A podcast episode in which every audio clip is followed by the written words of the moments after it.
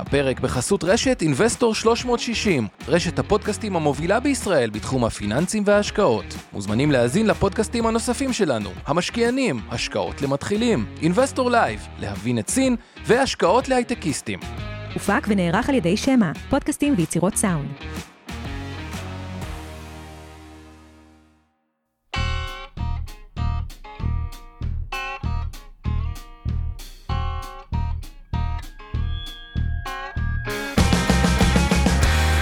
המשקיענים אבנר סטפאק ועומר רבינוביץ' בשיחה חופשית על התחומים החמים ביותר בעולם ההשקעות.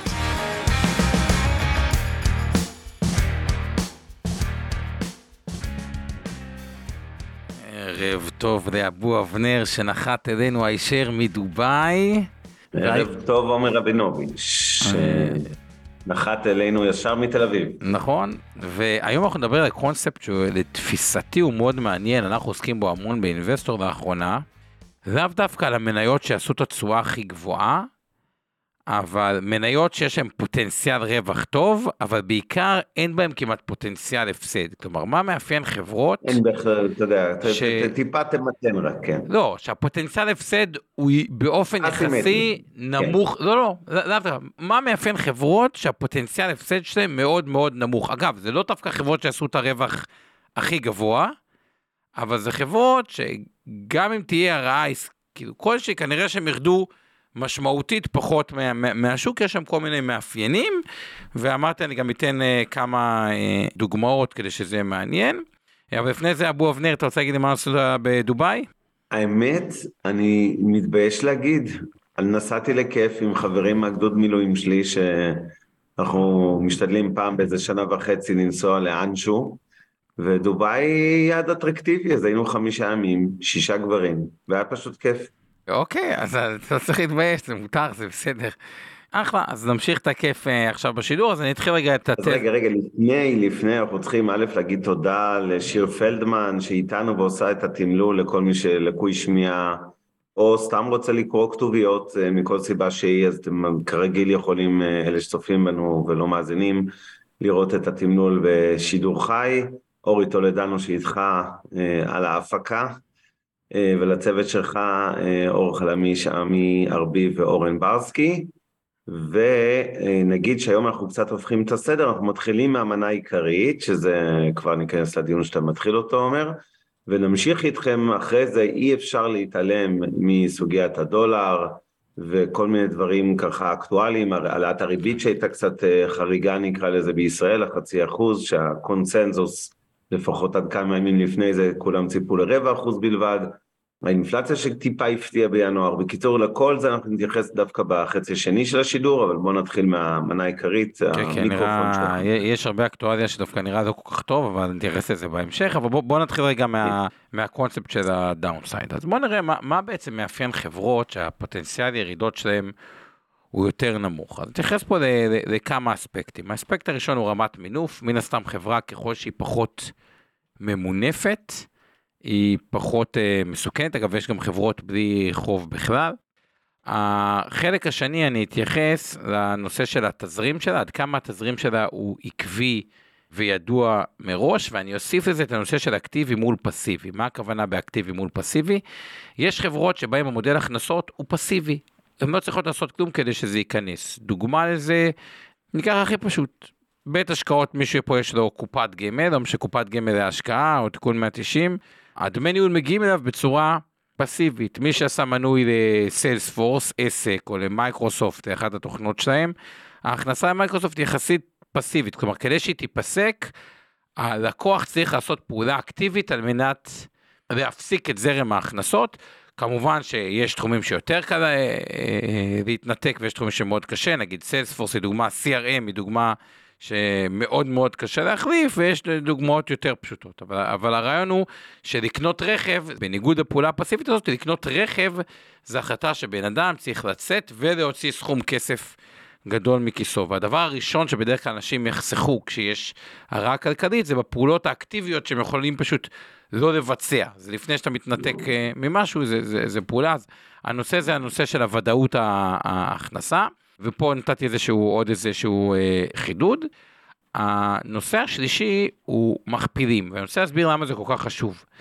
כי חברה עם מכפיל גבוה, גם אם זרם ההכנסות שלה הוא חזק, יציב, ידוע והיא לא ממונפת, עדיין יש הרבה מקום לירידה על מה שנקרא multiple שה valuation מצטמק וכו'. למה כשהווליואציה, שהמכפיל הוא נמוך או המכפיל תזרים הוא נמוך, הסיכון הזה פוחת? כי אם חברה יש גם תזרים חזק, גם מעט חוב וגם מכפיל נמוך, אז היא יכולה לרכוש בצורה משמעותית, או שהתשואה דיבידנד שלה תהיה מאוד מאוד גבוהה מחזירה את הדיבידנד, או שהיא יכולה לרכוש מניות של uh, עצמם. ואני זוכר שבאחד הקורסים שלי, זה היה קצת מזמן, אבל זו הייתה פשוט דוגמה שהיא נורא מובהקת ונורא קל להסביר אותה. הייתה תקופה שמקדונלדס לא נסחרה כמו היום ב-280 דולר, היא בשנת 2013 נסחרה בערך ב-90 דולר, כל האזור הזה, ו-90 דולר למניה נתן להם שווי של איזה אזור ה-80 מיליארד, משהו כזה. הנקודה היא שכשמסתכלים על התזרים שלה מפעילות שוטפת של מקדונלדס, אגב, אז גם היא לא הייתה כל כך אה, במובן החיובי של הכותרות, כי היה את כל הקטע עם המקדונלדס, מישהו אחר במקדונלדס, ורק מקדונלדס היה את הסיפור הידוע, ואז הם קצת שינו את התפריט וכו'. אבל הקשר מאופריישן, מהפעילות השוטפת, היה 7 מיליארד ב-2013. אגב, היום, ב-2022, הוא עדיין 7 מיליארד. כלומר, תכלס כלום לא השתנה במשך העשור האחרון. הנקודה היא, כשהוא היה 7 מיליארד והחברה הייתה שווה לצורך העניין 80 מיליארד, היכולת שהם, הם אמרו, תשמעו, אנחנו חושבים שאנחנו זולים, אנחנו קונים מניות של עצמנו. ו-7 מיליארד מתוך 80 מיליארד זה הרבה, זה כאילו היכולת שלהם לספוג המון, הרי אני מזכיר את השיעור הראשון, ראשון, ראשון שדיברנו בעבר, מה זה בורסה? זה היצע וביקוש. אז גם אם יש הרבה היצע והרבה אנשים רוצים למכור, יש פה ביקוש קשיח של חברה שרוכשת מניות של עצמה, ויוכל לספוג המון מהעצים, וזה משפיע פעמיים. אחד, מי שאומר, טוב, אם החברה רוכשת כל כך הרבה, למה שאני אמכור? כנראה שהמחיר יעלה. ושתיים, גם אם מוכרים, באמת סופגים המון המון מהביקושים. אז זה נכון. דוגמה טובה. דוגמה שהייתה לו לאחרונה, מי שהיה שם, היה שם, מי שלא פספס, זה מטא. מטא כשהייתה במחיר 100 דולר, 90 דולר, היא נסחרה במכפיל 10. עכשיו, החברה יצרה הרבה קאש, אין לה חוב בכלל, אם אנחנו מסתכלים על מניית פייסבוק, היא נט פוזיטיב במזומן, אה, אה, אנחנו נסכם, רוצים להיות מדויקים, יש לה 40 מיליארד קאש וחוב 27, כלומר 13 מיליארד מזומן, והקשר מאופריישן שלה מאוד מאוד uh, חזק, החברה היא מאוד רווחית, רק כדי להבין עד כמה זה רווחי, החברה הייתה בשווה בערך 300 מיליארד, אני אבדוק בדיוק את הנתון, והקשר שלה מפעילות שוטפת זה באזור ה-50 מיליארד אה, דולר.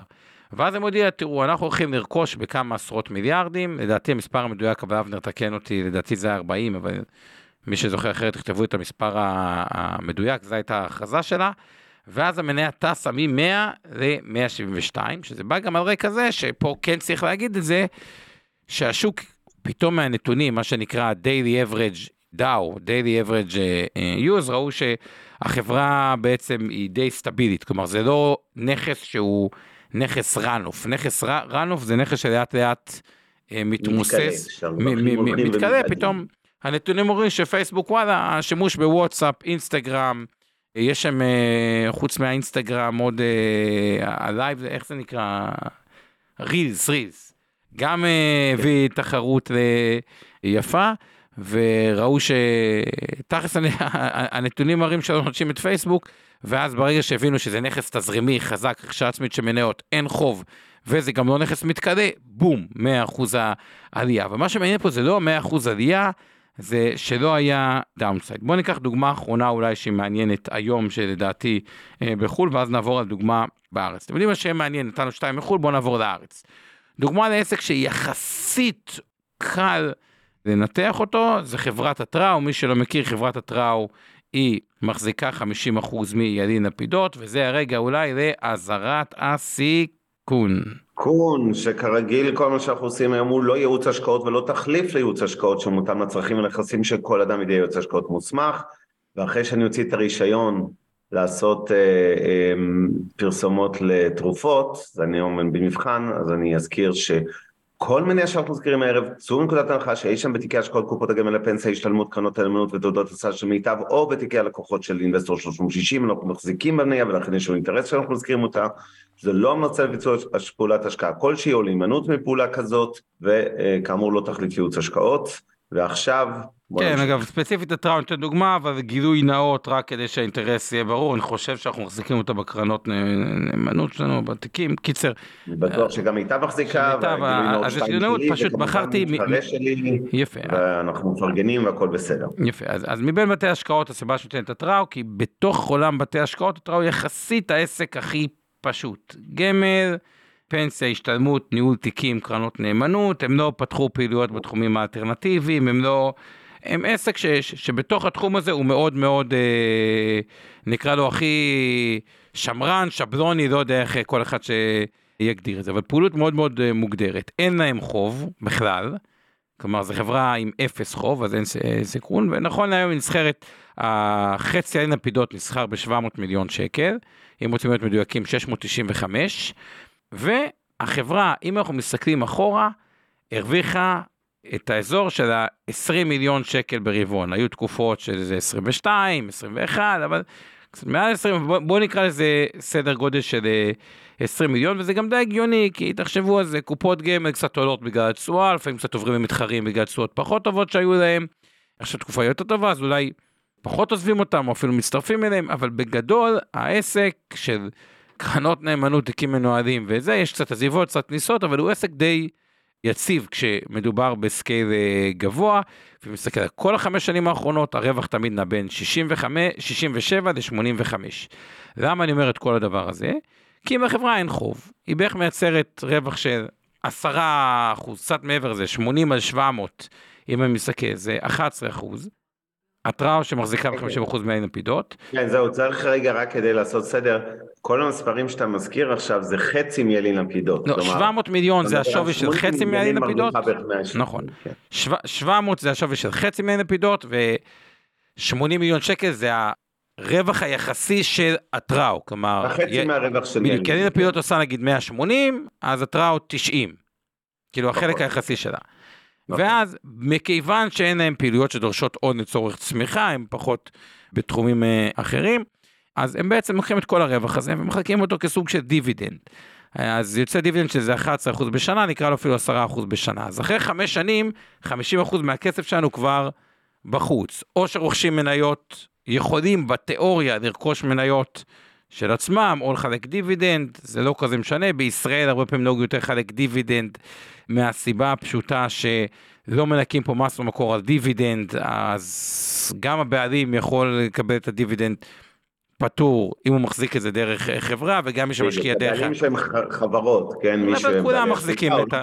כולם מחזיקים את החברה דרך חברה של הבעלים וכל מי שמשקיע דרך ה-IRA, אפרופו לא דיברנו הרבה זמן על ה-IRA אבל מן הסתם זה אחד הדברים שאנחנו חוזרים עליו אה, לא מעט שהרוחות החינם בשוק ההון זה בין היתר להפחית עלויות שזה אה, מיסוי. אז גם הוא מקבל את הדיבידנד במלואו, אין ניקוי מס במקור כמו מניות אמריקאיות, ולכן בישראל יותר נהוג לחלק את דיבידנד. המניות האמריקאיות, בגלל שמנקים מס במקור על הדיבידנד, הן הרבה פעמים יותר עוסקות ברכישה עצמית של מניות. המקור של זה זה מקור מיסוי מבחינת הנוהג. אז הרעיון הוא במכפיל 10, אין הרבה downside risk. אותה חברה, אותו ניתוח במכפיל 20, אז או שהדיבידנד פחות משמעותי והדילול שלנו, כאילו, בדיבידנד 10% אחרי 5 שנים דיללנו את עצמנו הרבה, זה מהבחינה הזאתי, או שיכולת לרכוש סכום מהותי של מניות, הוא פוחת. עכשיו, עוד סיבה שהבאתי את הטראו, כי הטראו כמעט בוודאות לא תהיה המניה הכי טובה, כי היא עסק ש, שהוא, אי אפשר להגיד כלום בוודאות, אבל היא עסק ש... על פניו אין איזה מנועי צמיחה טורבו, אוקיי? אז כנראה שהיא לא תעשה לאף אחד 3x אה, על הכסף או 5x על הכסף. זה דוגמה למניה שהפוטנציאל ירידה בה, או שזה, הוא יותר נמוך מחברה ממונפת עם תזרים פחות ידוע ויציב. בוא נלך אולי נחזור לשוק. אם נכניס רק, אה, עומר, תן לי כמה מילים, אם נכניס עוד אה, מושג שאנחנו משתמשים בו הרבה, זה דוגמה קלאסית למניעת ערך, מה שנקרא, או value באנגלית.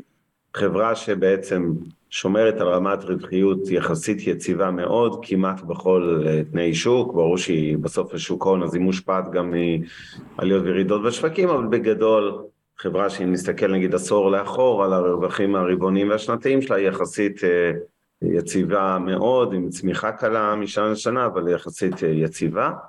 שוב, קשה לי להאמין שאני מדבר על מתחרה שלי, אבל אני אגיד, אני באמת אפרגן להם, הם גוף טוב. אני כן אגיד, אני צריך לענות פה לשתי שאלות ששאלו, קודם כל רק לא כולם הבינו את השם כי זה שם מוזר, זה, זה חברת האם של ילין לפידות, נקראת אטראו, א' ט' ר' א' ו', יום אחד נבין גם למה השם הזה, אבל בכל מקרה, אה, לשאלתך אמיר, האם בתי השקעות קונים מתיקי השקעות של המניות של בית ההשקעות עצמם, חס ושלום, אסור לנו. אם נדייק, יכול להיות שמותר משפטית, אבל אה, מאוד לא מקובל שלקוח של מיטב יקנו לו מניות של מיטב אה, אה, או לקוח של אה, כל חברה אחרת יקנו את המניות של, אה, של בית ההשקעות, כי זה מן הסתם לא נשמע הדבר הכי הגיוני ותקין. כן קונים מניות של בתי השקעות אחרים, כמו שאנחנו מחזיקים מניות של בנקים וחברות ביטוח וחברות סלולר, אז ברור שאי אפשר להתעלם מענף.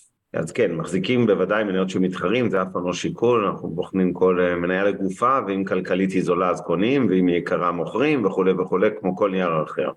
אז זה לגבי זה. אני רוצה להוסיף עוד כמה מילים, עומר, אה, ברשותך, גם על הדוגמאות מחו"ל וגם על, אה, פחות נוח לי האמת הדוגמה התל אביבית, אבל אה, אני אגיד שאין ספק, ופה עוד מעט נגיע לדיון האקטואלי, שהרבה מחכים לו, עוד לא תכננו להקדיש לו הרבה זמן, אבל נראה לי שנאלץ היום.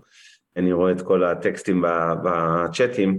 אני אגיד ככה, יש פיצול מסוים בין השוק בתל אביב לשוק בחו"ל בהקשר של הדיון שלנו הערב, כי מי שמפחד משוק המניות התל אביבי, שפתח את השנה באמת בפיגור אה, ניכר, אמנם חיובי, אבל בפיגור על שווקים בחו"ל, יכול להיות שפה צריך להתמקד בדיוק במניות שעומר מדבר עליהן מבחינת פרופיל, חלילה לא מדבר על ספציפית על מניית טראו, אלא בהכללה על מניות ערך, אוקיי? כי מניות ערך בשוק כזה הן כנראה יותר חסינות יחסית אה, גם בהנחות שליליות לגבי המשק הישראלי.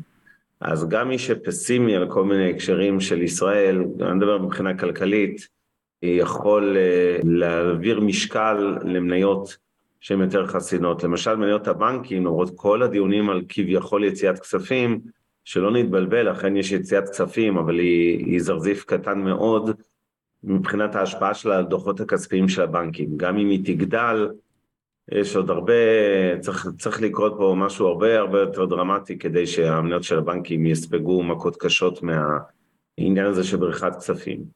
ולכן כדאי בהחלט אה, לשים לב יותר גם למניות ערך בתקופה הזאת. באופן כללי השוק בתל אביב כמובן מתאפיין כרגע במכפילים אה, יותר נמוכים, אבל uh, צריך. לגבי שאלתך דני על אג"ח של חברות בצורה דומה, לא, אני לא חושב שאפשר להשוות איגרת חוב שנותנת, נגיד שהתשואה בהתראה היא 10-11 אחוז, אני מדבר על תשואה, הכוונה הרווח שהחברה מייצרת חלקי שווי השוק שלה, אוקיי? במקרה שלה גם לדעתי אם נחלק את הרוב המכריע, אולי אפילו את הכל, אני לא זוכר כדיבידנד, אז זה גם תשואה תזרימית גם למשקיע בקצה ולא רק לחברה כחברה להתראה. אבל נניח שהיא עושה 10-11 אחוזים. אג"ח בתשואה כזאת, או אפילו ב-8 אחוז, בוא, זה רמת סיכון... הוא אג"ח של חברה לא טובה, בלשון המעטה. כן, בדיוק. זה לא, זה לא משהו דומה שאתה יכול לבנות על הקשר שלו עד כדי כך, וזה נטול ה upside. נכון שגם במניות ערך ה upside הוא יותר מוגבל, אז אתה יכול להגיד, אוקיי, אז בוא נשווה אותם קצת לאג"ח, אבל אני לא רואה אג"חים שעדיין מתקרבים לרמת התשואה. אז פה אני רוצה רגע לחלוק על אבנר מבחינת המניות ערך ואת התשואה, אני אגיד כאילו מה החברות שגם יניבו את התשואה הכי גבוהה לתפיסתי. אם מצאתם חברה שכאילו בערכים היא חברת ערך, אבל לפעמים קורה מצבים שאתם מזהים איזשהו מנוע חדש שיש לה של צמיחה, ואתם מקבלים גם את המכפיל הטוב, לא, אבל גם מנוע של צמיחה, אז היא גם יכולה לעשות תוצאות מבחינת, כאילו, התשואה יכולה לעשות תשואה יותר גבוהה גם מחברות כן, אבל, אבל, אבל עומר, הדוגמה שאתה נותן היא נכונה, רק שאז היא פשוט זה חברת ערך שעברה למסלול של להיות חברת צמיחה. יש כאלה חברות ששנים... כן, לא, אבל הנקודה שאם אתה, אם אתה מקבל גם את המכפיל של הערך ואתה מצא את המנועי צמיחה, אז אתה כנראה תעשה תשואות אה, מאוד מאוד... אה, אני. מסכים איתך, רק ששוב, זה... זה נכון, נכון, קיבלתי, אוקיי, אבל. בסוף אתה מדבר על החברות ערך, בסדר. חברות אה, צמיחה. אז בוא ניתן אולי עוד דוגמה אחת מהשוק האמריקאי. יאללה. אגב, ומי שבכלל שאל על האקוסיסטם אה, ב- ב- בישראל מבחינת בתי השקעות, אז בתי השקעות הם לא כאילו, בארץ אי אפשר להגיד להם שזו פעילות לגמרי דומה, אם אני רק אתן את ה... בגס, יש את ה... בבתי השקעות היום בארץ שתי סוגי פעילויות, יש את פעילות הליבה ויש את הפעילות האלטרנטיבית, לחלק יש, אבנר פחות יוכל להתייחס, אז אני אתן את ה... זה, אה, פעילות ליבה היא פעילות של מכפילים כביכול יותר נמוכים, כי היא יותר פעילות value, היא פשוט מבחינת ה-cash flow מאוד מאוד חזקה. הפעילות של הפעילות האלטרנטיבית עם אפסט יותר גדול, גם יותר מורכבת. יש גופים שהלכו גם לזה, דוגמת IBI, דוגמת הפניקס, דוגמת מיטב, דוגמת, לא יודע מה, עד שעכשיו משהו מקים איזה משהו, יש גופים שנשארו בעיקר בליבה, כמו אלטרא, אבל אה, לא כזה קריטי. עכשיו, בוא נעבור למניה האחרונה האמריקאית, שהיא נקראת חברת PayPal. למה נותנת חברת PayPal? כי בחברת PayPal קורה משהו שהוא גם מייצג תהליך שלתפיסתי יקרה בהרבה חברות, והוא תהליך שלדעתי הוא סך הכל טוב למשקיעים, כי זה יוציא אותנו מהמשבר בצורה מחוזקת, והוא התהליך הבא. אז בואו נתחיל קודם כל, חברת פייפל, אחרי הירידות, היה לה בחמש שנים האחרונות, היא נסחרה סביבה 70, 80, ואז קפצה במשבר 2021 ל-300 בכל הצמיחה, ועכשיו היא חזרה למחיר של 75, כלומר ירידה של 75% מהשיא. אממה, הירידה של 75% מהשיא שם אותה היום במכפיל 15. עכשיו, מה PayPal באים ואומרים? הם באים ואומרים את הדבר הבא. הם בעצם מבינים היום שלפתוח חשבונות PayPal חדשים, או שפעילות הצמיחה שלהם היא יקרה. אז הם שינו אסטרטגיה מצמיחה, כלומר מ... אה, להתמקד בכאילו להגדיל כל הזמן את הצמיחה, בשני דברים. אחד, זה להגיד, אוקיי, בוא נשפר סתם, אה, כלומר quarter 4, רק כדי להבין את זה, ה-active accounts גדל ב-2%. זה לא שזה לא גדל בכלל, אבל לשם השוואה, ב quarter 3 2021, הוא גדל ב-15%. כאילו ב-13 מיליון לעומת 2.9 מיליון. אבל ה transaction עדיין גודל. אז בואו נתמקד בלקוחות הקיימים, נגדיל אצלם את ה transaction, ה revenue שלהם עדיין אה, צומח, רבעון לעומת רבעון, כלומר גם רבעון 4 2022 הוא צמח יותר ממה ש... כאילו, לא צמח יותר באחוזים, אבל היה גידול של חמישה אחוזים לעומת הרבעון 2021, כלומר מלפני שנה. שתבינו, זה, זה, זה קיטון בצמיחה, כי בקווטר 3 2021 היה גידול של 26 אחוז. אז החברה צומחת יותר לאט. אבל היא באה ואומרת, תראו, אני עכשיו מתמקדת בלשפר את היעילות התפעולית שלי, כלומר להעלות את המרג'ינים שלי, כלומר לא לבזבז סתם כסף או לחתוך בדברים שהם אה, מיותרים, ימשיך לצמוח לאט. אבל עכשיו, כשיש, כשאני כבר במכפיל 15 והכיף שלו שלי הוא מאוד מאוד חזק בחמישה מיליארד דולר, על שווי חברה 75 מיליארד דולר, אז מה שאני אעשה, ואני הולכת לשפר אותו, כי אני הולכת לשפר את המרג'ינים, כלומר את שולי הרווח, ולהסתכל פנימה על החברה. כי אל תשכחו, צמיחה זה דבר יקר, או הרבה פעמים לא עושים אותו הכי יעיל. אז ברגע שפייפל הולכת לאסטרטגיה הזאת, היא אומרת, אוקיי, עכשיו יש לי המון המון תזרים, אני מתכננת את כל התזרים הזאתי לקנות מניות של עצמי. ושזה גם מגיע על רקע מכפיל נמוך, קודם כל יכול שהמניה תעלה, אבל גם אם תהיה היצע, החברה יכולה לספוג המון המון מה, מההיצע הזה. והיא נסחרת על המכפיל עתידי של 2025 של אה, 11. מבחינת חוב, אין לה חוב בכלל. יש לה את אותו מזומן כמו חוב, אולי חוב, חוב 11 מיליארד, אבל אה, 10.8 מיליארד, דה פקטו אין לה חוב כשהיא, אה, מהבחינה הזאתי. ואז מקבלים חברה בלי חוב, שולי רווח גדולים, מכפיל יחסית נמוך, עם רכישה עצמית של מניות. שוב, אני לא יודע אם תקבלו פה 5x על הכסף, לא תקבלו פה, אבל הדאונסייד הוא נמוך. אולי דוגמה אחרונה שאפשר לתת מהשוק הישראלי, אפשר לקחת חברה גם כמו, בתקופתו היום היא טיפה התייקרה, אבל עדיין לא יקרה, אה, חברה כמו ישראמקו, שבעצם, שקונים היום את ישראמקו, היא מחזיקה את מניית תמר. והיא בעצם השותפה מחזיקה 28.75% ממניית תמר. עכשיו, כשחושבים על זה, חוזה גז זה די תזרים ידוע פחות או יותר אה, מראש, גם פעם היה ביקורות שהגז יקר, היום כולם מבינים שהגז בישראל הוא בין הזולים בעולם, ופשוט אין לה כמעט חוב פיננסי, חוב יחסית מאוד אה, נמוך, הכי פחות, ופשוט מי שקונה אותה, הוא קונה קשלו מאוד מאוד אה, חזק קדימה. אז גם, זה על אותו עיקרון, אפשר להתווכח אם עסקי הגז הם כן עסקי ראנוף, לדעתי אם לא, אבל אפשר להתווכח. run-off עוד פעם מזכיר עסק שכביכול מבינים שהוא הולך ודועך. הזמן שאול. אז נראה לי זה עיקרי הרעיון של חברות עם downside. מי שרוצה להיות משקיע יותר מתוחכם, וחוץ מה downside, להסתכל גם על נושא של פוטנציאל, יש כל מיני סוגי השקעות, יש השקעות שאני קורא להן downside, אגב, למי ששואל אותי למה זה חשוב, כי הייתה פה שאלה טובה, אמר למה לא אג"ח? אז בדרך כלל השקעות מניות שה downside שלהן נמוך, אם אני אשווה אותם לאג"ח בתשואה גבוהה, לדעתי הרבה פעמים ה downside שלהם יותר נמוך, כי אג"ח בתשואה גבוהה שמשהו מסתבך ומגיעים להסדר וחברה מתפרקת, לפעמים תראו שם פחות כסף, אבל התשואה השוטפת היא הרבה פעמים גם יותר גבוהה, כי הדיבידנד הוא כמעט בגובה הקופון, הוא יותר גבוה מזה, ועדיין יש upside, כלומר זה עדיין מניה ויכולה להגדיל את ההכנסות ואת הרווח. אז זה מהבחינה הזאת. מי שרוצה להיות משקיע עוד יותר טוב, אם הצלחתם למצוא בתוך החברות האלה, שהרבה קוראים לזה, הסגמנט הזה, אני אוהב אותו בעולם הקרנות גידור, מנהלים, קולגות, כאילו אנשים ש...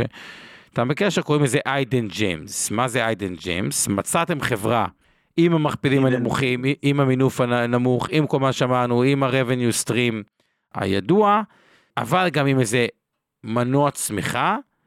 או שהוא במכפיל קיצוני נמוך, סתם דוגמה, מישהו אמר לי לא מזמן שהרבה מכירים פה את חברת חילן הישראלית, שבאמת חברה מצוינת, היא חברה טובה, היא חברה עם, עושה את הפנסיות והמשכורות של הרבה מכם, אז אתם מכירים אותה בתלוש, כל הדברים הטובים שיש להגיד עליה, באמת אחת החברות כאילו מודל הכנסות יציא, הכל אחלה, הנקודה היא שהיא נסחרת עדיין במכפיל רווח ש... פעם הייתה מכפיל 10 לצורך העניין, היום הם מכפיל 10 ממש לא ב-10, הם מכפיל רווח תף... מכפיל רווח סביב ה-20 נקרא לזה.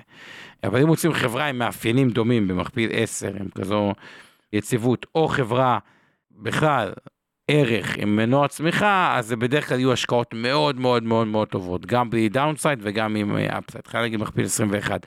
חברה תוכנה דומה, אולי במדינה אחרת שעושה פעילות דומה, שהמדינה נסחרת במכפילים יותר נמוכים. זה מה שהופך משקיע למשקיע ממש טוב. אם הוא, אני מדבר על משקיעי downside, יש גם משקיעי upside שזה סגמנט אחר שאומרים אוקיי, אני פחות אכפת לי מניה תעשה מינוס 80 אחוז, העיקר שגם יהיה לי כמה מניות שעשו פלוס 500 אחוז או פלוס 1,000 אחוז, מזכיר קצת את עולם ההון סיכון. משקיעי value הם יותר מחפשים את ה-downside risk, שלא יפסידו כסף. ועם זה הם מוצאים את ה hidden gem, זה גם עם איזשהו מנוע צמיחה, או עם איזה טריגר, טריגר לשינוי, משהו טוב שקורה, ואז קיבלנו מכפיל נמוך לתוך איזשהו צמיחה, ואז מרוויחים פעמיים. פעם אחת זה את המכפיל הנמוך ואת הדיבידנד, ופעם שנייה, ברגע שחברה עוברת תהליך של צמיחה, יש גם מה שנקרא multiple expansion, כלומר אם חברה לא צומחת מצדיקה מכפיל רווח 10, 9, 8, חברה שצומחת פתאום מצדיקה מכפיל 12, 15, ואז מרוויחים גם כתוצאה מעליית הרווח וגם כתוצאה מהמכפיל, כלומר מוכנים על אותו תזרים לשלם יותר ויש פה רווח על רווח וזה מה שיוצר רווחים מאוד מאוד uh, גבוהים.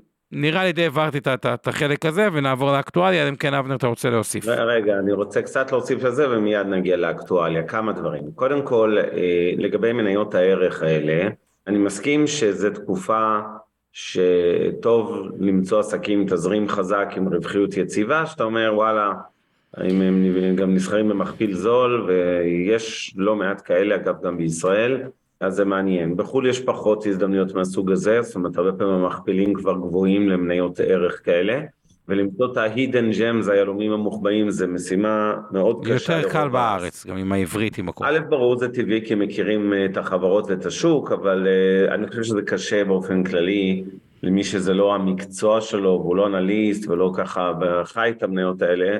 נכון. יותר קשה לאתר את הדברים האלה, זה לגבי הישראליות. לגבי אמ, נושא ההשוואה של אה, מניות לאג"ח, דיברנו על זה קצת אה, הערב, אבל אה, בכל זאת, יש חברות, הרבה מחברות הערך האלה מחלקות דיבידנדים שמניים. הדיבידנד הזה הוא סוג של שכר דירה, נקרא לזה, על הנכס להשקעה, על הדירה, ונותן לכם איזשהו אה, אה, תזרים קבוע, או גם אם הוא לא מובטח, אבל הוא עדיין בהסתברות גבוהה, ובטח חברות שמחלקות כבר שנים, שזה באמת, שם אני אוהב להשוות את זה לאגרות חוב. כלומר, אם אני רואה שמניה מחלקת תשואת דיבידנד נניח של חמישה אחוז, שזה נחשב די גבוה, אוקיי, והאג"ח שלה נסחרת בשישה אחוז, אז אתם יכולים להבין שזה קצת לא הגיוני לקנות איגרת חוב של חברה בשישה אחוז, כשהמניה של אותה חברה מחלקת חמישה אחוז דיבידנד נזיל כל רבעון.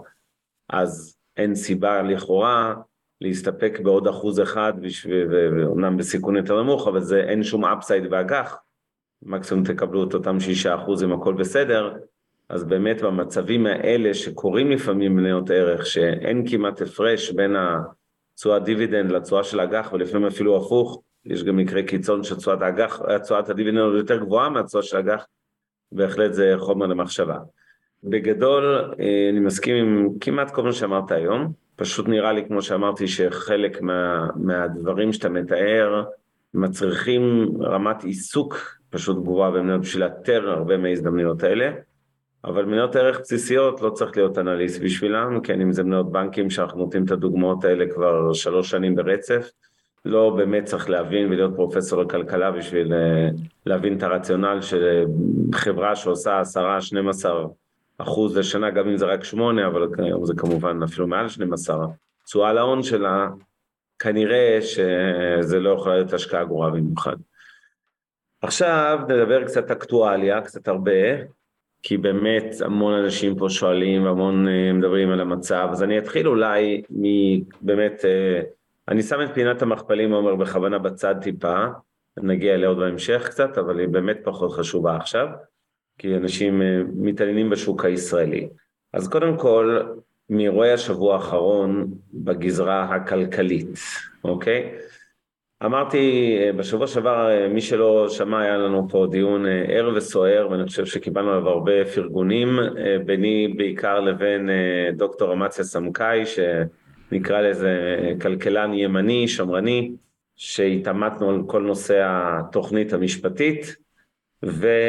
הקשר הכלכלי שלה גם, לא רק על הצד המשפטי. ואמרתי, ואני חוזר ואומר, ואפילו מדגיש את זה יותר היום, הברומטר מספר אחת לכל מה שקורה בהקשר הכלכלי, שהוא נגזרת של התוכנית המשפטית, זה שער הדולר. תעקבו אחריו, זה הדבר הכי חשוב. הברומטר מספר 2 זה אגרות החוב הממשלתיות, התשואות שלהן, וברומטר מספר 3 הוא פשוט פחות יומיומי, זה כמובן ריבית בנק ישראל. ואני רוצה להגיד כמה דברים, אה, מי שלא עקב, היום אה, הדולר זינק לבערך 3.64 או 5. 3.65, קורה אה, עכשיו 3.64. כן.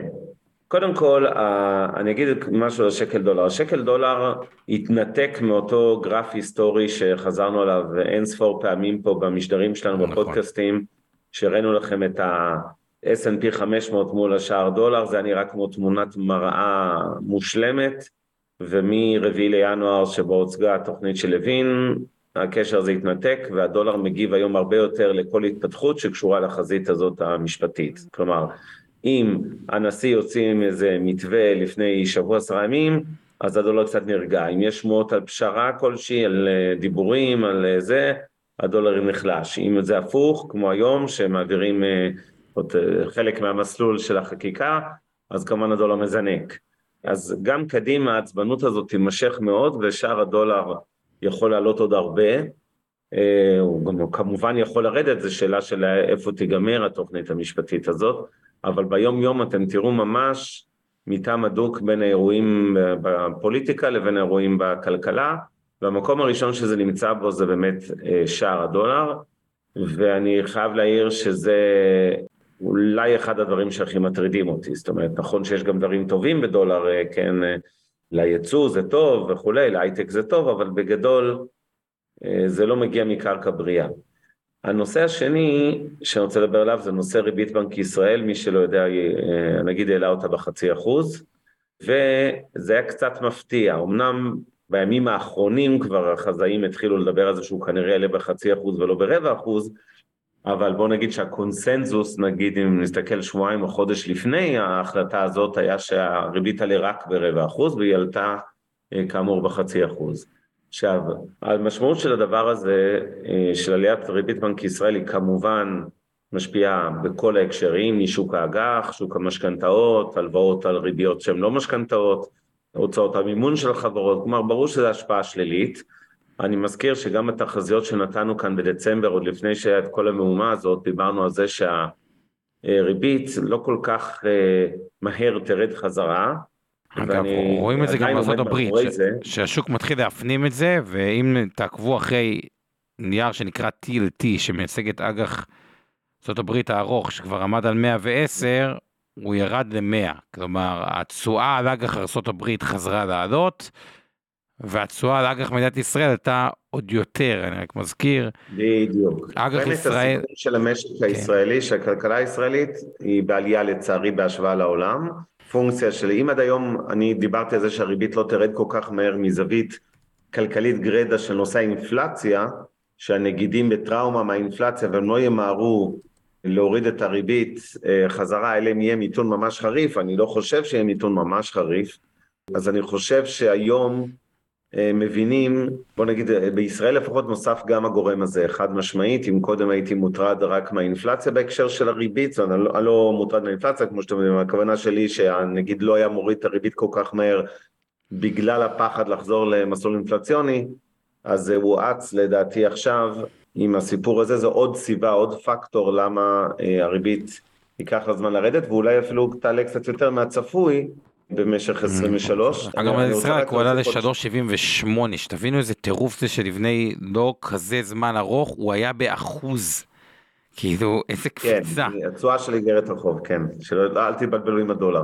למרות שגם הוא אולי יגיע ל-3.78 בקצב הזה די מהר. אבל אני אגיד לגבי האג"ח, אה, יש פה כמה דברים שצריך להביא בחשבון. קודם כל, היה נתון אינפלציה של מדד ינואר הפתיע לרעה, כלומר האינפלציה, המדד שעלה ב-3 עשיריות זה היה מעל הצפי של 0.1.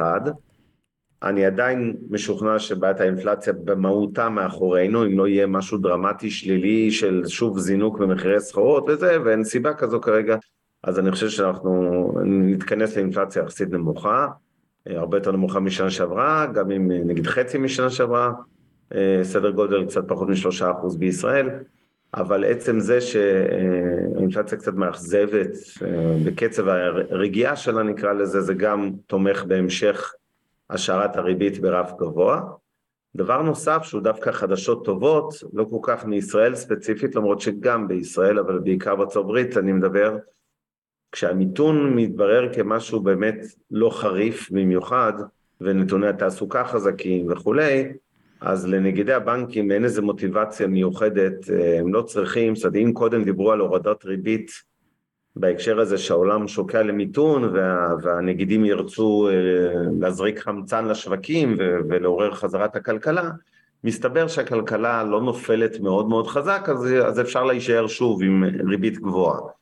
והשורה התחתונה של כל השלוש נקודות שאמרתי עכשיו זה שאתם צריכים להניח עוד יותר מבעבר, ואני אומר את זה ברמת ביטחון יותר גבוהה, שהריבית לא מאוד גבוהה, אבל יחסית גבוהה, is here to stay לטווח יותר ארוך ממה שאתם חושבים. אני, אני אמנם לא מייצג את ממוצע הכלכלנים הישראלי, אני כן אגיד שאני חושב שהשנה לא נראה הורדות ריבית בכלל. עוד נראה לאות, אבל לא עוד הרבה, אבל, אבל אני לא חושב שנראה כבר הורדות כמו שהרבה כלכלנים אומרים שלקראת סוף שנה כבר נראה. אני בקלות יכול לראות את זה ממשיך ככה עד אמצע 24. אני רק רוצה להגיד הערה אחת על מה שאמרת, אה, את הדעה ההפוכה, יש תיאוריה של אחד הכלכלנים, שגם הציג אותה פה באינבסטור, הוא טוען שכשמעלים ריבית והכלכלה חזקה, אז כמו כל דבר יש בייס, מרגישים שהכלכלה חזקה אז תישאר, למה שיורידו ריבית וכו' וכו' וכו', אבל כשיש הידרדרויות זה הרבה יותר מהיר ופתאום רואים הרבה יותר אגרסיביות בהורדת אה, ריביות, ובאופן כללי, שיש תופעה שהוא קורא לה עודף כסף לטווח ארוך בעולם, שהוא כשלעצמו, כמו התרחיש היפני קצת, תרחיש שהוא גם דיפלציוני, וגם שאמור לדחוף את התשואות כלפי מטה. אז כאילו גם היום, אני חושב שלהניח את העלאת ה... שהריבית רק תעלה, כלומר גם אם היא תרד טיפה, כאילו לא תרד השנה, כשמורידים ריבית אז גם מורידים אותה אגרסיבית, כאילו לא... אני אגיד למה אני אומר את זה. כי מי שכבר הולך לאג"חים, אז לתפיסתי יש משהו מאוד מאוד מאוד נכון, אני חושב שאנחנו לקראת סוף העלאת הריבית. יש משהו מאוד מאוד נכון, ולא פה כל מיני רשימה של אג"חים שאנחנו עוקבים אחריהם, שנותנים תשואות של קרוב ל-5.5, 6 אחוז, 6.5 חלק, 7, כל מיני אספקט, אבל עדיין של חברות טובות, אבל דווקא עם מח"מים ארוכים. הסיבה שאני אומר מח"מים ארוכים, תזכרו שגם אם שנה הבאה לא תהיה הורדת ריבית וכולם מסוגלים פיקדון קצר, אף אחד לא מבטיח לנו שבעוד שלוש שנים הריבית לא תרד בצורה דרמטית. דרמטית זה דרמטית. טוב, פה אנחנו ממש חלוקים, עומר. אני חושב שברור שאף אחד לא מבטיח, אה, וזה אני מסכים, אבל בגדול, אני חושב ברמת שכנוע גבוהה שגם כשהריבית תתחיל לרדת זה יהיה בפעימות מדודות ואיטיות של רבע אחוז, גם בארץ וגם בחו"ל, ולא הורדה דרמטית או מהותית אה, בכלל. אה, הדבר השני זה שאני בהתאם רואה פחות אטרקציה באגרות החוב, במיוחד בישראל עם הבעיות של עצמנו גם, ברמות כאלה של חמש וחצי, שש, זה, זה בסדר, זה מתחיל לעניין, אז זה לא איזה אטרקציה גדולה, בטח לא במחם ארוך, לטעמי לפחות, כי אני פחות רואה את הריבית אה, כאמור יורדת ובטח לא משמעותית. סיכוני האינפלציה, גם שהם נמוכים בעיניי, עדיין, גם אני לא מצפה לאינפלציה אפסית. עלויות מימון שמכבידות כמובן, ההאטה סלש מיתון, תלוי איפה בדיוק בעולם, זה גם פקטור.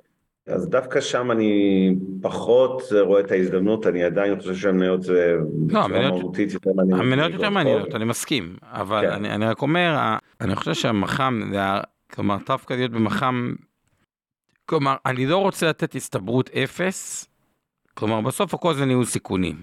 זה משפט חכם וחשוב. כן. אני טוען לדבר הבא, יש שתי תרחישים. תרחיש אחד זה שהריבית תרד לאט, אגב זה התרחיש הבסיס, כאילו שהיא תישאר במקום ואז תרד לאט וכו' וכו' וכו', ואז המניות, גם זה תלוי איך הם יעשה. עכשיו הנקודה היא כזאתי, דווקא במצב שבו המצב הכלכלי יהיה לא טוב, אוקיי? כלומר לא כל כך טוב, אז המניות לא יעשו כל כך טוב, ובכזה מצב תהיה הורדת ריבית אולי יותר מהירה, אז מגיעים, הנכס היחידי שיעשה לתפיסתי טוב, זה אג"חים של חברות עדיין טובות, אפשר להזכיר חברות יותר קטנות שלא ממונפות, במקום חברות גדולות, כל מיני דברים כאלה, במח"מ בינוני, כי אז מרוויחים פעמיים, ירוויחו גם את הנושא של, uh, לתרחיש הזה, של כן הורדת ריבית בגלל מצב כלכלי פחות טוב, אחד, את הירידה של התשואה, כי בסוף פרמיית הסיכון תתכנס רק על מח"מ יותר ארוך, אז הרווח הון יותר גבוה, וזה איזשהו אדג' כי כשאתה באג"ח קצר נגיד לשנה שנותן חמש, אתה תקבל את החמש. כשאתה באג"ח ארוך בתרחיש הורדת ריבית, אתה גם תרוויח על זה. אבל בוא נחזור אליך. אוקיי, okay, אז אני חושב שאני רוצה להתייחס כי יש פה המון המון שאלות חשובות. קודם כל לגבי הדולר, הזכירו פה את אה, נדמה לי סיטי בנק, כל זוכר מי שחזה אה, שהדולר הגיע ל-3.95. אז אני אגיד ככה, אה, אני עדיין חושב, ואמרתי את זה, אני אומר את זה כל השלוש שנים שאנחנו איתכם, וזה ימשיך להיות תקף, תאמינו לי, גם בשנה הבאה. שתחזיות בדולר, קחו אותם בערבון מוגבל, לפעמים אני מתבטא קצת יותר בבוטות. אני כן יכול להצביע על קורלציה מאוד ברורה, ועל זה כן נדבר בביטחון. אם, כמו שראינו אה, עד לאחרונה, עד לפני חודש ומשהו, היה מתאם אה, מושלם כמעט עם שוק המניות האמריקאי, עכשיו המתאם הזה עבר לכל נושא התוכנית המשפטית, והתוכנית המשפטית, אה, כמו שאמרתי, רואים את זה פשוט ברמה יומיומית, זה לא קשור לדעות פוליטיות ומי בעד ומי נגד, זה פשוט עובדה. כשאתם רואים דיבורים על פשרות, הדולר יורד, כשאתם רואים דיבורים הפוכים או מעשים נקרא לזה, חקיקה וכו', הדולר מזנק. זה פשוט עובד ככה ברמה כמעט שעתית, הייתי אומר, לא רק יומית, וזה ימשיך ללוות אותנו ככה. אז מי שחושב שהתוכנית הזאת הולכת לעבור ברובה מכריע דומה או או מלא למה שהתוכנית המקורית הייתה של יריב לוין, שר המשפטים, סביר להניח שיפגוש את הדולר ברמות הרבה יותר גבוהות מהיום, ומי שחושב הפוך, שבטח תהיה פשרה, וזה לא באמת ייגמר ככה, הם רק כרגע עושים טקטית, אה, רצים אה, לחוקק את הכל, ו- ומתישהו הם יעשו איזה פשרה כזו או אחרת, אז כמובן אה, זה יכול להרגיע חזרה את הדולר. אה, לגבי הקשר בין כל זה לשוק הנדל"ן, נועה אה, מיישלוס שואלת אה, האם זה יכול להיות, איך זה ישפיע על מחירי דירות, האם קיימת השפעה. אז כמו שאתם יודעים, עד לפני 20 שנה, שוק הנדל"ן האמריקאי, הישראלי, סליחה, התנהל בדולרים. זאת אומרת, אנשים קנו ומכרו דירות ב-300 אלף דולר, 200 אלף דולר ולא בשקלים, ואז היה את המעבר לשקלים. מה יש לנו בעצם שכביכול משפיע כרגע השקל דולר במישרין ובעקיפין. במישרין זה כמובן תושבי חוץ שמחזיקים דירות. אני לא רואה איזה דרמה עצומה, ברור שיותר קל להם היום למכור את הדירות כי הם מקבלים יותר שקלים, כן, לצורך העניין, או סליחה, הם יקבלו פחות דולרים או יורואים מבעבר, אז כביכול יש להם פחות סיבה למכור. אבל אה, אני לא חושב שתושבי חוץ שמחזיקים פה דירות, שלרוב זה אפילו לא להשקעה, אלא לכזה סוג של מפלט לתעודת ביטוח, כמו שישראלים מחזיקים איזה אזרחות שנייה בכל מיני מקומות בעולם, אני לא רואה את זה, אותם כל כך מהר מוכרים, וגם אם כן, זה בעיקר בשוק היוקרה, וזה פחות משפיע על רוב עם ישראל. איפה כן יש השפעה, היא אמנם עקיפה, אבל היא, היא לא מבוטלת, דרך מחירי המשכנתאות והריביות. ככל שהדולר יעלה והריבית תישאר גבוהה עוד יותר זמן ואולי תעלה גם יותר גבוה בשלב מסוים, זה תורם כמובן לשני דברים. אחד, אה, יש לנו את האינפלציה שעלולה להתחזק מעצם עליית הדולר, והשני זה הריבית על משכנתאות, ראינו לדוגמה מה קרה בשבועיים האחרונים, אגרות החוב של ממשלת ישראל בשלושה שבועות האלה חטפו לא מעט, התשואות שלהן טיפסו, מי שלא יודע, שוק המשכנתאות, הריביות שאתם משלמים בסוף על משכנתה, אה, הריביות הקבועות או המשתנות כל חמש שנים אה, נגזרות משוק אגרות החוב, לא מריבית בנק ישראל רק של ה... שמשפיע על הפריים, מסלול הפריים, ולהרבה אנשים, חלק גדול, אפילו רוב המשכנתה היא במסלולים של קל"צ וכולי, מי שהיום לוקח, מי שכמובן קיבע משכנתה לפני חצי שנה או... חצי שנה זה לא היה אבל לפני שנה או יותר, כמובן מוגן. אבל כל מי שעכשיו שוקל לקנות דירה ופתאום פוגש ריביות מטורפות יחסית, שיא של בטח 15-20 שנה, וההחזרים החודשיים נהיו דרמטיים ובמקביל גם מחירי הדירות גם ככה היו בבועה ערב המשבר הזה, אין ספק שכל מה שקורה עכשיו עם התוכנית הזאת ועם שער השקל דולר אה, יכול לעזור לקרר את שוק הנדל"ן יותר אגרסיבי. ממה שאני שומע מלקוחות שדיברתי איתם השבוע, שוק הנדל"ן הוא על סף המוות קליני. פשוט לא, לא, לא נכון אבנר, אתה סגמנט גדול של דירות, לא נכון, זה ממש סגמנט גדול של דירות, כל הדירות, עזוב דירות רגע במיליון וחצי, כל הדירות היותר יקרות, זה הפך להיות שוק שהוא פשוט בלתי אפשרי בכלל, כל השוק שמי שצריך משכנתה שלושה ארבעה מיליון שקל, דירה של שש שבע, הוא שוק שפשוט אי אפשר לעמוד במשכנתה של 4 מיליון שקל בריבית של 5 אחוז, אוקיי? אי אפשר. אבל, זה... אבל זה שוק קטן יחסית. אין בעיה, אז החלק הזה... רוב עם ישראל קונה, כפ... לא, אני רק אומר, החלק הזה קפא. עכשיו, כל אחד, עכשיו, אחת הבעיות עם המשכנתאות הגבוהות, שיש גם חוק שאי אפשר יותר משליש מההכנסה, ובריביות גבוהות זה ממש מקשה על רכישת הנדל"ן. זה, זה נקודה חשובה. וזה משאיר את זה רק עם רוכשי מזומן, ואין הרבה רוכשי מזומן עם כסף חדש לדברים, ו... ויש פה האטה משמעותית, ומי שתכלס רוצה למכור את הדירה, באמת רוצה למכור את הדירה, או צריך למכור את הדירה, צריך לתת הנחה, כלומר, גם אם מחירי השוק כאילו ירדו, מי שבאמת רוצה להיפטר מהשוק, או איזה יוקרה, בעצם זה הפך להיות שוק של בעיקר אנשים של מזומן. אבל אני רוצה רגע להתייחס כן רגע משהו לגבי מה שאמרת, המצב הפוליטי, למה הוא, הדולר שקל, איך, לפחות מה שאני שומע מהקהל, ויש באמת לקוחות מאינבסטור גם מהימין וגם מהשמאל. חייב לציין את הדבר הבא, הימין באמת משוכנע, מה זה ימין? שזה משהו שהוא טוב, הפרשנות שהם נותנים לו היא לא פרשנות רעה, שזה שחיתות, פשוט ממשלה צריכה יכולת למשול, בשביל יכולת למשול נושא חוקים הוא חשוב, גם בארצות הברית, וזה טיעון שהוא לגיטימי, מבחינתם אומרים, הממשל ממנה את השופטים, ובסוף אם רוצים לשלוט, וזה בכלל תיקון היסטורי לעיוות של אהרון ברק מ-1995, ששינו, שאז הייתה יותר התערבות בכנס, ויש שם פילוסופיה ואתרים ומידע והכל, שבאמת, למה השינוי הזה הוא שינוי נכון, ומבחינתם זה באמת יום חג גם למדינת ישראל, וגם היכולת למשול, וגם שזה יעשה פה כלכלה יותר טובה, והכל באמת יותר טוב. ויש שם אפילו כעס גדול מאוד, שה... הצד השני גורם נזק לכלכלה הישראלית מכל מיני אג'נדות שפשוט קשה להם לראות הימין בשלטון. הצד השני של המפה, של מה ששומע מדברים, אומרים, אוקיי, גם אם יש טיעונים נכונים במה שזה וצריך לעשות שינויים וכו' וכו', פשוט לא מאמינים שהסיבה היא המשילות, הרצון היותר טוב, הדברים כאלה, פשוט יש בהם את חוסר האמונה בסיסי שזה נעשה מהסיבות האלה, שזה יותר בגלל סיבות פרסונליות של אנשים כאלה ואחרים, שהימין גם טוען זה שטויות במיץ עגבניות, כי אז שהבתי משפט החליפו והחליפו השופטים ודברים כאלה, משפט נתניהו ייגמר כבר 20 פעמים, כי זה לא עוד 20 שנה.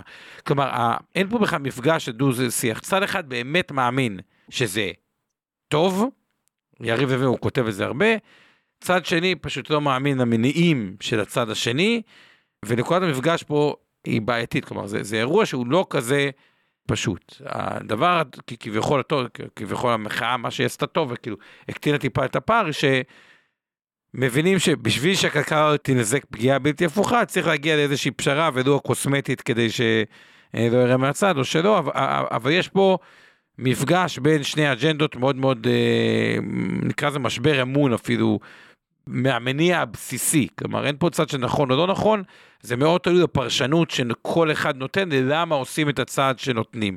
האם זה באמת יכול להיות משילות יותר טובה של הממשלה, או מניעים את הדברים האלה, ופה נכנס נושא מורכב. עכשיו, כשיש בעיה מורכבת, אז בדרך כלל הפתרון הוא לא מגיע בצורה מהירה ופשוטה, ואני אומר את זה בהקשר של מה שרק אבנר אמר מחירי הדיור, שכשאין פתרון מורכב והפרמיית סיכון עולה, אז תשואת אג"ח באמת במדינת ישראל עולה, המשכנתאות הופך להיות משהו שהוא מכביד בצורה לא פרופורציונלית, וגם הרבה מהרוכשים שרוצים לרכוש, הם אומרים, טוב, בוא נראה איפה זה מתפתח, לא יכולים, מה, נחכה, נשב על הגדר, זה הדינמיקה, וזה זמן, לתפיסתי, למי ששואל על נדל"ן, מעולה, למי שיש לו הרבה מזומן, להיות הכי אגרסיבי בעולם ולחפש מישהו שחייב למכור ופשוט בלי קשר למה שקורה בשוק לנצל הזדמנות למי שעם דירה כאילו רוצה דירה ראשונה ספציפית ויכול והוא מרבה במזומן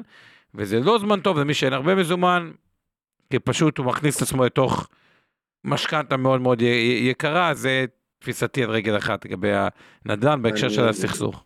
אז אני, אני רוצה לחזור למה שאמרת, הצגת את זה מאוד יפה ופוליטיקלי קורקט, אבל אני חייב לתקן משהו, שכל מי שרואה בתוכנית המשפטית הזו פוטנציאל להפיכה משטרית, ואני ביניהם, אני מודה, לא מתבייש בזה, זה לא רק שאנחנו חושדים במניעים של למה עושים את זה ולמה, אתה יודע, קשה לו לחשוד כשמעבירים לך את חוק דרעי 2, עבריין שישב בכלא שלוש פעמים עשה עבירות ורוצה להיות שר אוצר, אז אתה יודע, אתה בטח לא יכול להיות, אה, אה, להאמין יותר מדי למניעים, אבל, אבל יש מחלוקת אמיתית לא על המניעים אלא על המהות, ואני רק אגיד, אה, גם הדברים שאמרתי קצת בשבוע שעבר, מדברים הרבה על אמון הציבור בבתי המשפט, שירד ל-41 אחוז, שפל כל הזמנים וכולי, אבל אמון הציבור בפוליטיקאים הוא רק 9 אחוז. עדיין בבתי המשפט מאמינים לא, בי עוד כמעט חמש. אמרתי גם את הטיעון הזה, אני רק אומר לך שיש צד, שאני אומר לך, אני, אגב, אין ויכוח, אני בעיקר סופג, שבאמת חושב שכדי שממשלה תתנהל טוב, היא צריכה יכולת, היא צריכה משילות, היא צריכה יכולת להעביר חוקים, היא לא יכולה שהפקידות... זה תירוץ נהדר, זה תירוץ נהדר, אגב, לפוליטיקאים אימפוטנטים, מכל קצוות הקשת, הם תמיד, המילה משילות היא תמיד מדהימה אותי. מי שרוצה להזיז דברים יודע להזיז דברים, ומי שלא, לא יעזור גם אם ת, תיתן פה את כל השופטים יהיו פודלים של כל שר, זה לא ישנה שום דבר. אבל אני רוצה לחבר את זה רגע לכלכלה ולהגיד דבר אחד. כל מה שאתם רואים שקורה נזק בפועל בחודש וחצי האחרונים, לדוגמה ירידות באגרות חוב ממשלתיות, לדוגמה זינוק בדולר, זה לא בגלל שזרמו מפה מיליארדי דולרים של אה, שמאלנים שהבריחו מישראל את הדולרים, זה, תאמינו לי זה טיפה בים, זה לא משפיע, אני לא, אין נתונים אגב על כמה כסף יצא, ו, אבל בוא נגיד שעד לרגע זה, אני מבטיח לכם, יצא מעט מאוד. אם יש חמישה טריליון לציבור, יצא מיליארדי דולרים בודדים, אולי שניים, אולי שלושה, לא יודע כמה, בטוח לא יותר מחמישה.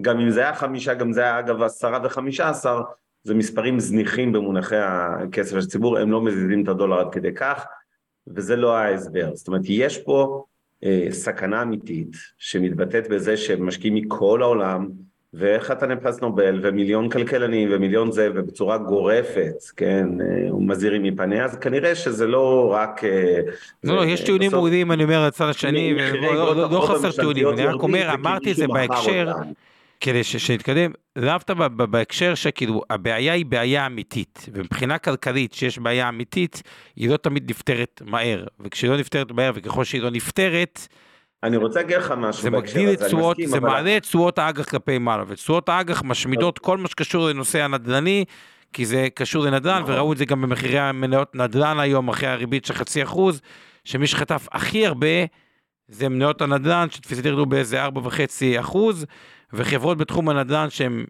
ממונפות גם, ירדו אפילו עוד יותר. לדוגמה, חנן אני מור... אני רוצה להגיד משהו מעניין, רק שכבר אני... שמונפת ירדה 12 אחוז, כדי להבין עד כמה זה...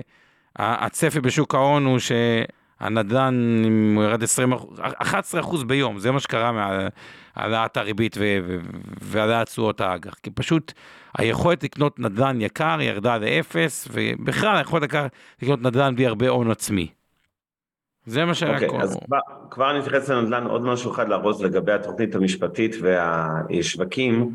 אנחנו כל הזמן מדברים על איך תשפיע התוכנית המשפטית ואיזה פורמט תעבור על הכלכלה. אני רוצה לה, להגיד גם איזה משפט חשוב שיזכרו אותו גם בכיוון ההפוך. בסוף הכלכלה הרבה פעמים משפיעה על התוכניות המשפטיות האלה, כי בסופו של דבר התהליכים האלה, אם הם, כמו שאנחנו רואים, השווקים עצבניים ומגיבים מהר, הם לא מחכים כן, לפוליטיקאי כזה או אחר, או לראות מה יקרה, האם באמת בעוד שנה או חמש שנים, איך תראה מדינת ישראל מבחינה משפטית, וכמה כוח עודף יהיה בפועל, וכמה ינצלו את זה הפוליטיקאים וכולי, הם מגיבים כבר עכשיו, כמו, אגב, כמו כל דבר, השווקים מקדימים הרי את המציאות אה, תמיד. אני לא אתפלא, אני חייב להעיר, גם הרעיון של נתניהו כביכול על עוד פעם אה, צריך לשבת ולדבר וכולי, זה לא רק בגלל לחץ בינלאומי של ביידן או אה, פוליטיקאים אחרים או, או כל מיני סוכנויות דירוג, הוא ברוך השם מבין כלכלה ואת זה אי אפשר לקחת מנתניהו ואני חושב שהוא נבהל כשהוא רואה את הדולר מזנק ואת האגרות חוב של ישראל יורדות שוב בפער אה, לעומת דברים שקורים בעולם ואת הפיגור גם בשוק המניות, למרות שזה אולי פחות מטריד אותו, והרבה פעמים הכלכלה מאלצת פוליטיקאים נקרא לזה, אה, אגב זה מה שקרה עם סילבן שלום, מי שזוכר בתחילת שנות האלפיים כשהיה שר אוצר, הרבה פעמים השווקים מענישים נקרא לזה את הפוליטיקאים כשדברים לא קורים טוב והפוליטיקאים נבהלים מזה, כן, אה, אה, תרחיש הונגריה אגב הוא לא השוואה מופרכת, יש הרבה לצערי סממנים דומים כמו קריסת המטבע, עדיין לא קרסנו כמובן וכולי, תראו מה קרה באנגליה אומר דני בצדק, כשיש חוסר אמון קצת אה, זה בתוך חודש וחצי מדינה מתהפכת. בקיצור, אה, צריך להביא בחשבון שזה עובד לשני הכיוונים ולא רק מהכיוון שהפוליטיקה משפיעה על הכלכלה. חזרה לנדל"ן, יש פה דיון ער בצ'אטים אז אני חייב להתייחס. קודם כל, דבר חשוב זה נושא השכירות. אני פה רוצה להיות קצת פסימי לאנשים ששוכרים דירות או מחכים לירידת מחירי שכירות. היום, כאשר השכירות בישראל היא מה, יחסית, מבחינת תשואה מה שנקרא למשקיעים, מי שמחזיק דירה ומשכיר אותה למישהו, רואה תשואה עלובה, עלובה למדי, 2-2.5 אחוזים באזור אה, גוש דן, קצת מעל 3 אחוז בפריפריה, אלה תשואות לא הגיוניות, במיוחד כשיש לכם היום ריביות בבנקים. נכון, בגלל זה אף אחד לא מסכים לקנות את הדירות האלה. עכשיו, למה אני אומר, למה אני חושב שזה אה, חשוב? הנושא הזה, כי אני בהחלט יכול לראות תרחיש של ירידה, אפילו ירידה יחסית חדה במחירי הדירות, מבלי שמחירי השכירות ירדו ואולי אפילו עוד יעלו. זאת אומרת, זה לא... תזכרו שבעשור האחרון מחירי הדירות עלו הרבה יותר מאשר עליית מחירי השכירות. נכון, אה, מסכים גם המשכנתאות, אם נקביל את המשכנתה לעולם השכירות, המשכנתה הרי זינקה אה, לא מעט בשנה החולפת, כמו שאתם יודעים, אז זה הגיוני גם שמחירי השכירות יעלו, אוקיי? כי אותם בעלי דירות, בעלי נכסים שמשכירים את הדירות האלה וגם משלמים את המשכנתה היקרה יותר היום וכולי. הם גם חייבים מאוד לפעמים, כי אם משלמים משכנתה יותר יקרה אז הם צריכים... אה, מיצוי דרך השכירות, וככל שאנשים גם אה, כרגע אומרים אני פחות שוקל לקנות דירה, אני אחכה חצי שנה, שנה לראות לאן זה הולך, אולי הפעם זה באמת ירד, זה מוריד אולי את הביקוש לדירות לקנייה, וזה מלא את הביקוש לשכירות, נכון? כי האנשים האלה אה, ממשיכים לשכור או עוברים לפעמים לשכירות וכולי, ולכן התרחיש המרכזי שלי זה ירידת מחירי דירות השנה, אבל אה, לא בהכרח אה, או ירידה סמלית או אפילו יציבות סלש עלייה במחירי השכירות של הדירות. אז אני מתנצל לאכזב, שוב, לא... אני מסכים לגמרי, אני מסכים לגמרי עם תחזית של אבנר, התרחיש שלי הוא כזה. אם נחדד טיפה את מה שאבנר אמר, עלייה במחירי שכירות, לא, בטח לא תהיה ירידה במחירי שכירות, צריך לקרות שמשהו קשה לראות את מחירי השכירות יורדים, בעיקר עלייה. מחירי דירות די פלט, כי רוב האנשים לא לחוצים על למכור דירה, הם פשוט יחכו עם השדרוג, יחכו עם השינוי, יש חברים שרצו לשדרג ופשוט מחכים עם זה, כלומר היו בדירת ארבעה, חמישה חדרים, רצו לקנות דירה, זה פשוט מחכים עם זה, אז פשוט לא ימכרו בלחץ, אבל יהיו הזדמנויות מאוד טובות, מאוד נקודתיות, עם סגמנט מסוים שאנשים פשוט שלקחו משכנתה גדולה ואחד או שני בני הזוג איבדו את העבודה ואין להם ברירה. ואז כאילו, פשוט יהיו כן. הזדמנויות נקודתיות שלאו דווקא מייצגות את השוק. לגבי מה שאבנר אמר, עוד דבר שלחזק אותו, וזה גם דיון שהוא מעניין, ששאלו אותי גם אנשים משני הצדדים, ובהקשר הזה אבנר אמר משהו שהוא מאוד חכם. מה, באמת צריך את כל ההפגנות האלה? הם לא, מב... לא מבינים, כאילו, הצד אה, מאמין, ש... הם לא מבינים שזה פוגע בכלכלה? אז מה שאבנר אמר הוא מאוד מאוד חכם.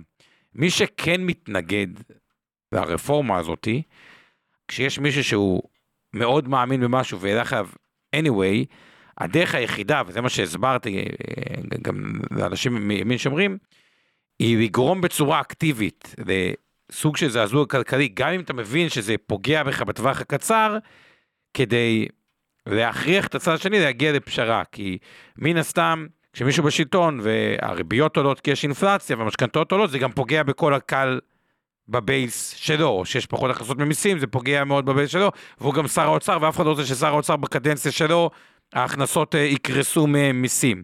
אז ברור שהפעולות האלה, וככל שזה גם יותר קיצוני וחזק ומהיר, גורמות מכורח המציאות להגיע לפשרה. אז ברור, מה שאבנר אמר פה, שהכלכלה גם מכריחה פוליטיקאים להתפשר, זה מאוד נכון, וזה גם התזה שמצדיקה כביכול את התגובה היחסית אה, חריפה לצעדים שננקטו, ככה שיש שני הצדדים, יש שכל אחד תלוי בפרספקטיבה שלו נקודות, אבל זה דרך הפעולה, וזה אגב, מה שאבנר אמר, כן יכול להעלות את הסבירות לפשרה, בגלל שהתגובה חזקה ובגלל שההתערערות הכלכלית, הקפיצה המהירה בדולר, הקפיצה בגרות החוב היא כל כך קיצונית ומהירה, שאי אפשר להתעלם ממנה, וכביכול זה יכול דווקא להביא והפשרה. כן, אני, אני רק רוצה לתקן אה, משהו אחד ולהמשיך להתייחס פה כי יש הערות אה, מאוד חשובות אה, היום מהקהל, הערות, שאלות.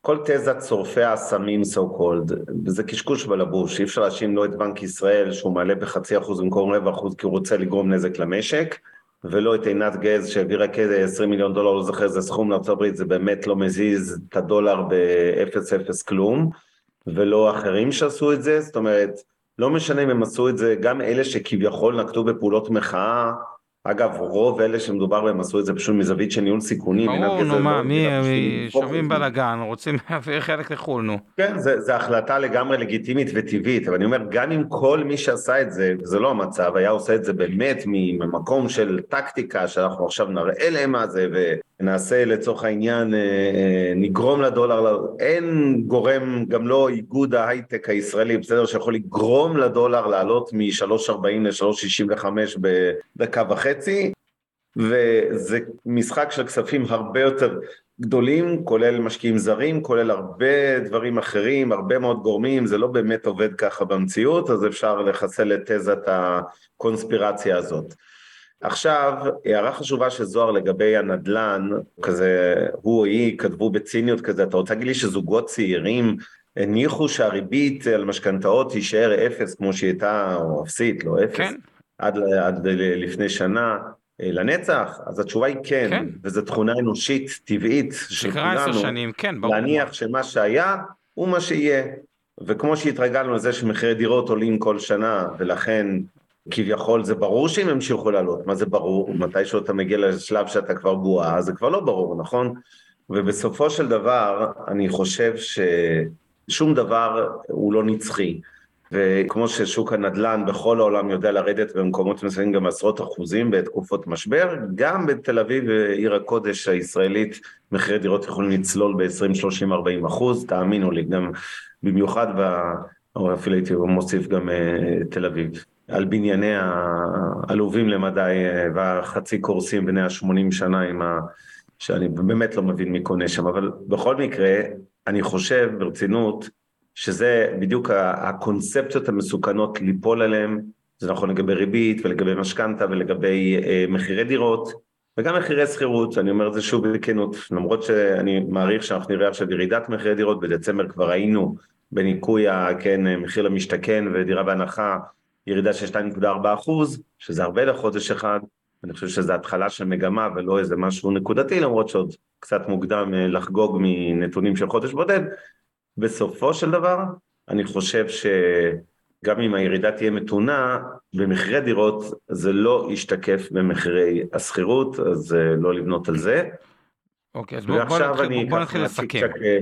אה, אתה רוצה להראות? לפני. הסיכום ברשותך, רק בגלל שהיו פה עוד כמה שאלות וזה, וביקשו עוד לחזור אליהם, אז צ'יק צ'ק אנחנו נתייחס לאלה. לגבי התחזית של אה, מייקל ווילסון מורגן סטנלי לירידת S&P 500 ב-26% במחצית השנה, האם לאור התחזית הזו בהנחה שהיא תתממש, נכון לעבור ממסלול צמוד ל-S&P בקופות הגמל למסלול סולידי יותר כמו אגרות חוב או משהו אחר, אז כמובן שאנחנו לא עוסקים בייעוץ פנסיוני או שיווק פנסיוני וכולי, אז לא אפשר שהפרסונלית הזאת, אני רק אגיד באופן כללי. גם בשוק המניות, תחזיות זה דבר מסובך ומורכב. בלי לפגוע באדון מייקל ווילסון ממורגן סטנלי, להגיד שהשוק צפוי לרדת ב-26% במחצית השנה, אני לא יודע, אני חייב ליצור איתו קשר, לשאול מאיזה חומר הוא לוקח, או להשיג לפחות את הכדור בדולח שיש לו במשרד, כי אני לא מצליח להבין על בסיס מה בכלל באים עם מספר כזה? כל מספר כזה, כן? לא, זה, לא זה, זה לא ככה, אני אגיד לך מה הכותרת. בדרך כלל okay. יש שם אוקיי. איזה תרחיש של כאילו סיכונים, וה, והקונסנזוס הגדול ביותר, לוקחים את המשפט של לעשות כותרת. אוקיי, תמשיך, תסיים ואז אני רק אתייחס. אני, אני לא חושב בקיצור שאנשים צריכים לעשות תנודות גדולות מדי בשוק המניה, במרכיב המנייתי שלהם, אני מזכיר את מה שאני אומר שנים, לכל אחד מכם צריכה להיות רצועת סיכון לא משנה אם זה בין 70% ל-100% מניות ולאחד אחר זה בין 20 ל-40 ולשני זה בין 30 ל-50.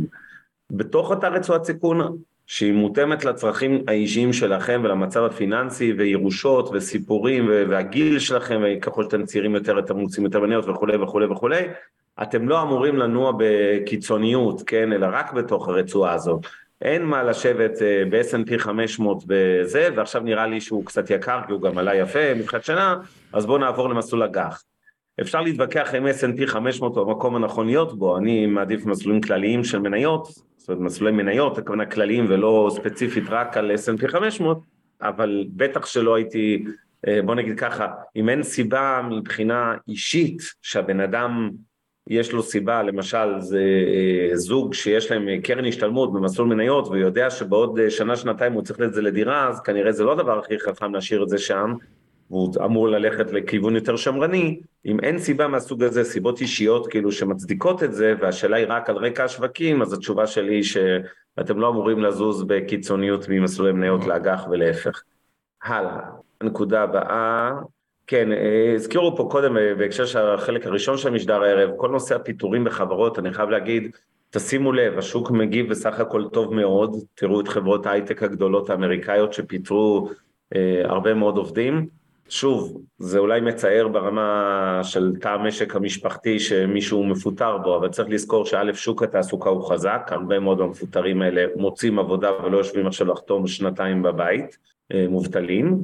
ב', זה תהליך בריא ברמת החברות, אוקיי? הם כולם צמחו דרמטית בכוח אדם, במיוחד בהייטק, וההתייעלות הזאת היא, היא לא דבר אה, רע כל כך בהרבה סקטורים. אני אגיד את זה יותר אה, חריף מאבנר, ההתייעלות הזאת היא דבר מצוין, הרי מה קורה? כל עוד יש צמיחה וצמיחה מהירה וכסף זול, אתה יודע שאתה צומח ברוב החברות בצורה לא יעילה. אני שמעתי הרבה מנכ"לים ודיברתי, אני יודע שאני לא עושה אופטימיזציה ברמת העלויות, אני יודע שיש אבטלה סמויה, אני יודע שאני לא מנהל בצורה אופטימלית העובדים, אני יודע שאפילו הצמיחה מביאה טיפה לכאוס, אבל אם הכסף זול ויש צמיחה, קודם כל בואו ניקח market share. ברגע שהתחזיות צמיחה מתמתנות, הם אומרים, זו הזדמנות של פעם בכמה שנים שקורה כזה דבר. להתמקד, לחזור הביתה, להתמקד ביחידת הרווח הבסיסי, בוא נראה מי עובד טוב, פחות טוב, ריוויוז, בוא נתמקד, בוא נחסל דברים שלא הוכיחו את עצמם, ופשוט לעשות סדר, וזה דבר מצוין, וחברות בגלל זה, כן. מהמשבר הנוכחי יצאו יותר יעילות, יותר מפוקסות, יותר בריאות, עם פחות כוח אדם, תהליכים יותר מובנים, ושולי רווח שבסופו של דבר גם יהיו יותר גבוהים. פשוט יהיה זמן לזה ויהיה זמן לזה, ויראו את התוצאות שבעוד, גם התהליך הזה לוקח זמן, יראו את זה יותר בעוד שנה מהיום.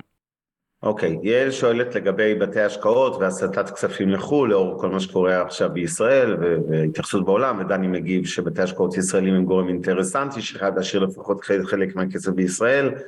לפי מה שאני מבין הוא כותב, אה, מגדילים בחו"ל את המניות בחו"ל ולא מגדרים את הכל כמו בעבר כדי ליהנות מעליית המטח הצפויה. אז דני, החצי השני שאמרת הוא קצת נכון, אני חושב שהייתה, אני לא יודע בוודאות, אני... היה ירידה בגידורים קצת ממה שאני שמעתי, כלומר מגדרים טיפה פחות. מעלים טיפה את האחוז חשיפה למטח. אבל אני חייב להעיר, א', אנחנו לא חייבים להתפלל להשקיע בישראל, אין, אין, אין, אין, אין חובה רגולטורית, כשאתה, כשאנחנו מנהלים קופות גמל או השתלמות או פנסיה, מותר לנו להוציא גם 100% לחו"ל, אוקיי? בפועל אגב, לדעתי אנחנו יושבים ב-70 וקצת אחוז בחו"ל, הרבה לפני הרפורמה הזאת, או התוכנית הזו, או כן, הפתיחה הזו, בגלל זה גם הייתם בתשואות הכי טובות, בין הכי טובות ב...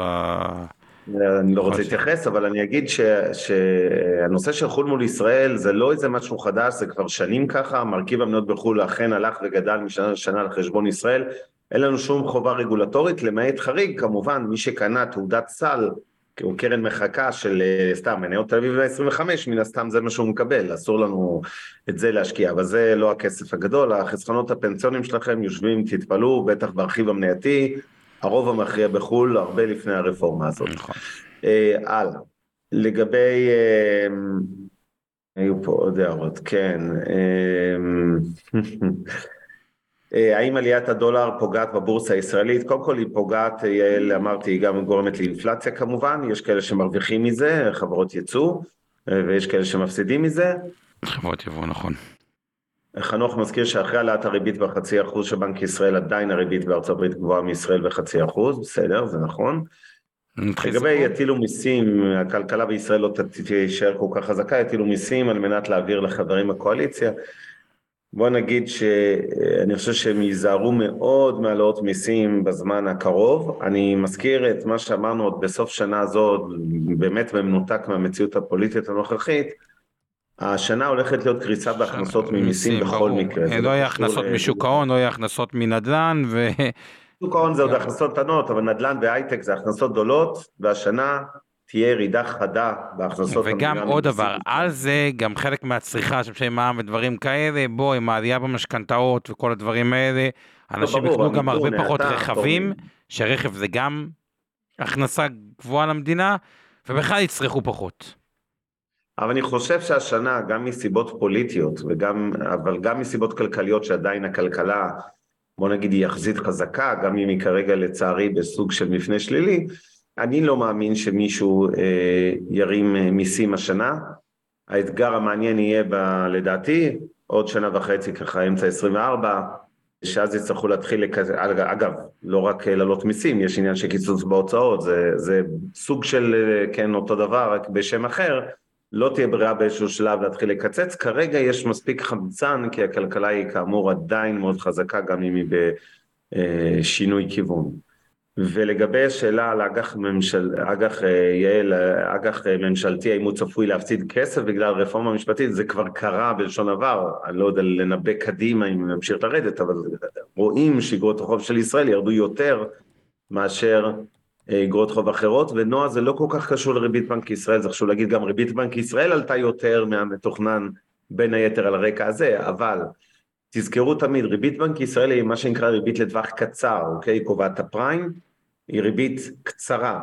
ריבית אה, המשכנתאות ותשואות אגרות החוב הממשלתיות הן ריביות לטווח ארוך. יש בהחלט מצבים, בלי קשר למציאות של היום, ש, שריבית בנק ישראל עולה או יורדת, והריבית לטווח ארוך באגרות החוב לא בהכרח מתנהגת אותו דבר ולפעמים אפילו בפער גדול.